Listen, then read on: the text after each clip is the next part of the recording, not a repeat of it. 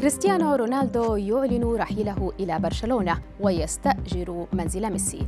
18 مليون دولار على يد فلويد ماي ويذر اليسرى. نجم برشلونة لا يعرف كيف يربط حذاءه.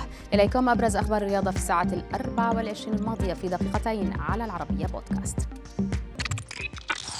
نبدأ أخبارنا من إسبانيا حيث تفاجأ الجميع صباح اليوم بأنباء عن رغبة البرتغالي كريستيانو رونالدو لاعب مانشستر يونايتد الإنجليزي في الانتقال إلى برشلونة. وما زاد الأمر غرابة هو أن صحيفة موندو ديبورتيفو الإسبانية القريبة من النادي الكتالوني أكدت أن المفاوضات حاليا قائمة ومن يقودها بيكي الذي سيساعده بحسب المنشور في استئجار منزل ليو. لكن سرعان ما اكتشفت الجماهير أن الأمر مجرد مزحة. باعتبار يوم الثامن والعشرين من ديسمبر هو يوم الأرواح المقدسة ويتم التعامل فيه بإسبانيا بأسلوب كذبة أبريل الشهيرة. ومع النجم البرشلوني الشاب جافي وما تم تداوله في الأيام الماضية من قبل المشجعين حول عدم ربطه لشريط حذائه أكثر من مرة في المباريات. البعض أشار إليها كنوع من الطقوس التي اعتاد عليها اللاعب للفوز في المواجهات.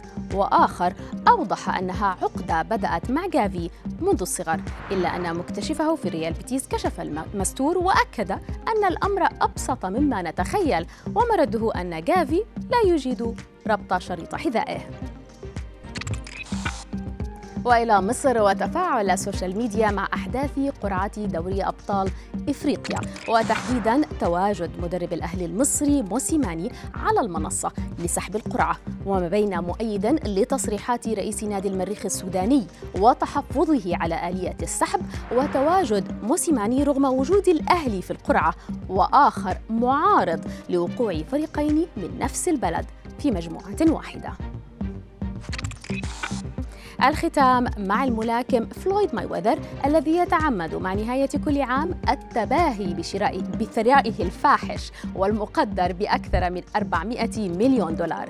إنفاق ماي ويذر هذه المرة اقتصر على ساعة ألماس بلغ ثمنها فقط 18 مليون دولار. هذه الساعة مصنوعة من الذهب ومرصعة ب 260 قيراطا من الألماس الأبيض حتى تبدو وكأنها قطعة مجوهرات أكثر من كونها ساعة يد ولله في خلقه شؤون.